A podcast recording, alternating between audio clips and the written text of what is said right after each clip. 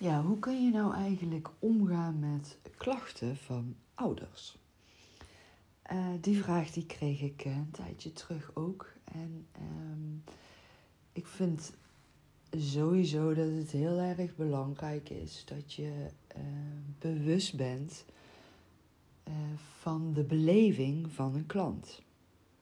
Dat is het uitgangspunt voor mij, altijd, in alles. Um, en in alles bedoel ik dan de contacten met de klanten. Uh, zowel social media en ook in de dagelijkse praktijk.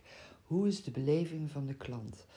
En als je dat weet, dan zal je ook gaan uh, zien dat klachten minder snel gaan ontstaan. Um, maar ja, waar je met mensen werkt, zijn ook altijd verschillende meningen aanwezig, verschillende ervaringen en ook verschillende behoeftes natuurlijk.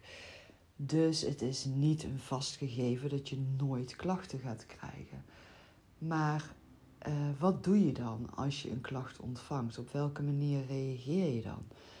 Nou, ik heb uh, daar ook mijn weg in moeten vinden en um, ook verschillende ervaringen in opgedaan.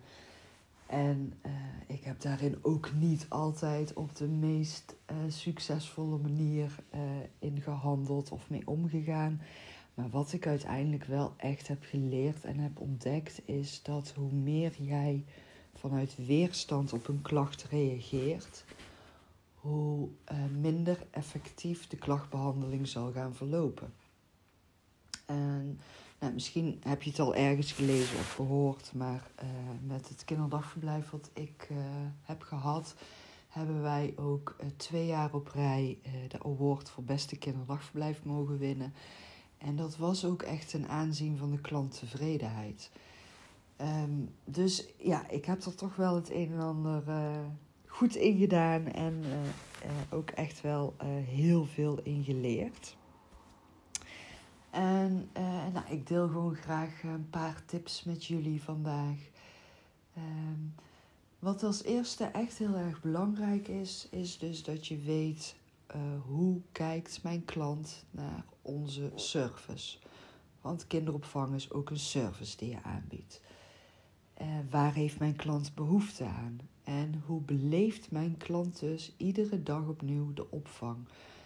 Dat is heel erg belangrijk dat jij daar een duidelijk zicht op gaat hebben. En dan de tweede tip, als je een klacht binnenkrijgt, ga dan eens ontdekken voor jezelf hoe reageer ik op die klacht. En reageer ook niet direct. Um, ik zou ook zeker adviseren als iemand een klacht heeft, dat je vooral luistert, begrip toont en er op een later moment op terugkomt, zodat jij niet vol in jouw eigen emotie zit. Want als jij vanuit je eigen emotie gaat reageren op een klacht, dan is het vaak de eerste reactie verdedigen. Verdedigen, vechten, vluchten, ombuigen. Uh, en dan ombuigen in de zin van ja, maar. En dat zijn uh, reacties die stilstand teweeg brengen. Dus daar kom je niet uh, tot een gezamenlijke oplossing mee. Dus dat is wel heel erg belangrijk dat je je daar bewust van bent. Nou, dan kom je op een later tijdstip terug op die klacht. Uh, ga dan ook goed in je achterhoofd houden: oké, wat is de beleving van de klant? Wat is de behoefte van de klant? Maar wat ook heel erg belangrijk is, de belofte die jij hebt gegeven aan je klant. Welke belofte heb jij aan jouw klant gegeven toen die voor de allereerste keer langskwam voor een rondleiding? En hoe is die klant voor de allereerste keer bij jou binnengekomen voor die rondleiding? Vaak zit daar ook nog een proces wat eraan vooraf gaat. Dus welke beloftes heb jij die klant allemaal gemaakt voordat hij bij jou naar binnen kwam? En voordat die klant besloot om zijn kindje bij jullie in te schrijven ook.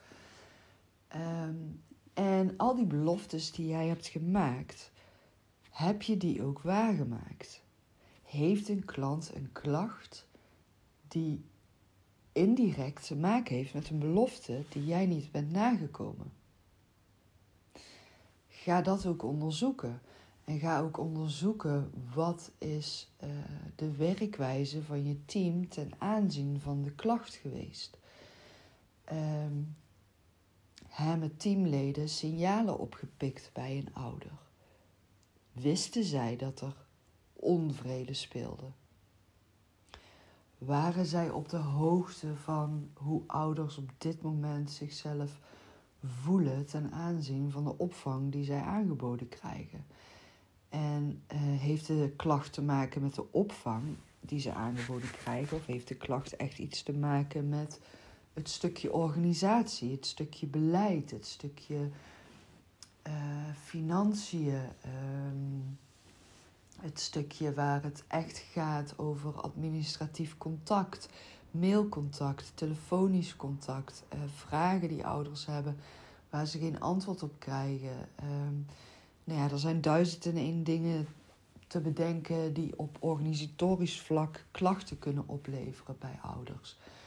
Dus onderzoek ook echt heel goed van de klacht die wordt uitgesproken. Is dat een klacht naar aanleiding van een voorval, naar aanleiding van uh, de daadwerkelijke dagelijkse opvang, of is het naar aanleiding van een uh, organisatiestructuur?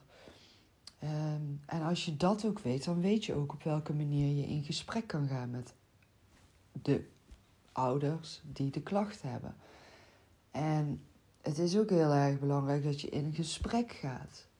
Ga niet uh, telefonisch of via de mail een klacht behandelen. Uh, en natuurlijk, als je een klacht via de mail binnenkrijgt, geef daar altijd ook een antwoord op.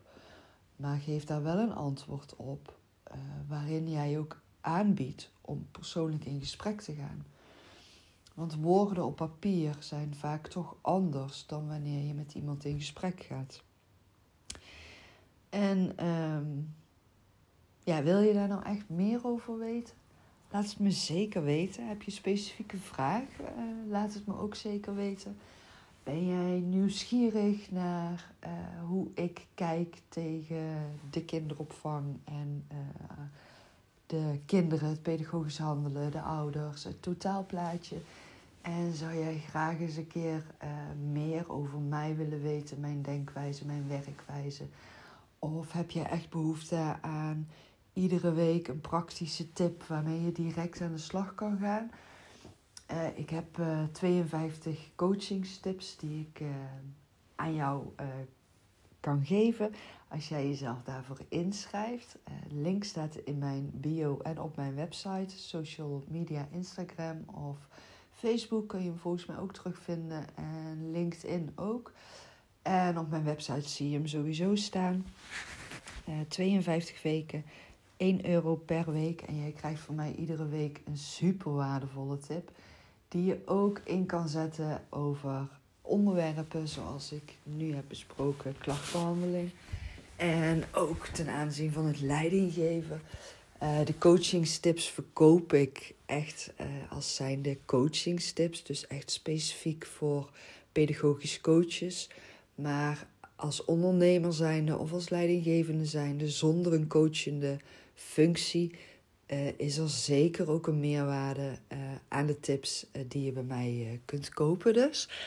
Um, nou ja, mocht je er nieuwsgierig naar zijn, check gewoon eventjes mijn social media of mijn website. En mocht je ergens vragen over hebben of denk je van, goh, Suzanne, zou jij een keer over dit onderwerp een podcast op kunnen nemen? Laat het me zeker weten. Uh, ik ben uh, heel erg nieuwsgierig naar waar jij behoefte aan hebt. Uh, want mijn doel is uiteindelijk dat ik echt aansluit op jouw behoeftes en jouw belevingswereld. En dat ik jou daarin vooruit kan helpen ten opzichte van de kinderopvang en ten opzichte van het leidinggeven, ondernemen. Dus dat kan ook buiten de kinderopvang zijn. Uh, ik praat altijd vanuit de kinderopvang, maar als je dat woord, die beroepsgroep weglaat en daar jouw eigen beroepsgroep voor in de plaats zet, dan is het ook toepasbaar in ieder werkveld. Want we hebben overal te maken met klanten en we hebben ook overal te maken met eh, werknemers en een team en samenwerken en communiceren en inspelen op de behoeftes van je klant. Dus um, ja, stel me een vraag en ik ga er graag mee aan de slag voor jou. En wat ik ook super leuk zou vinden is als je mijn podcast zou willen delen op social media. Tag mij dan, zodat ik ook weet en zie dat jij mijn podcast hebt beluisterd en hebt gedeeld. Super bedankt weer voor het luisteren en ik wens je weer een hele fijne dag.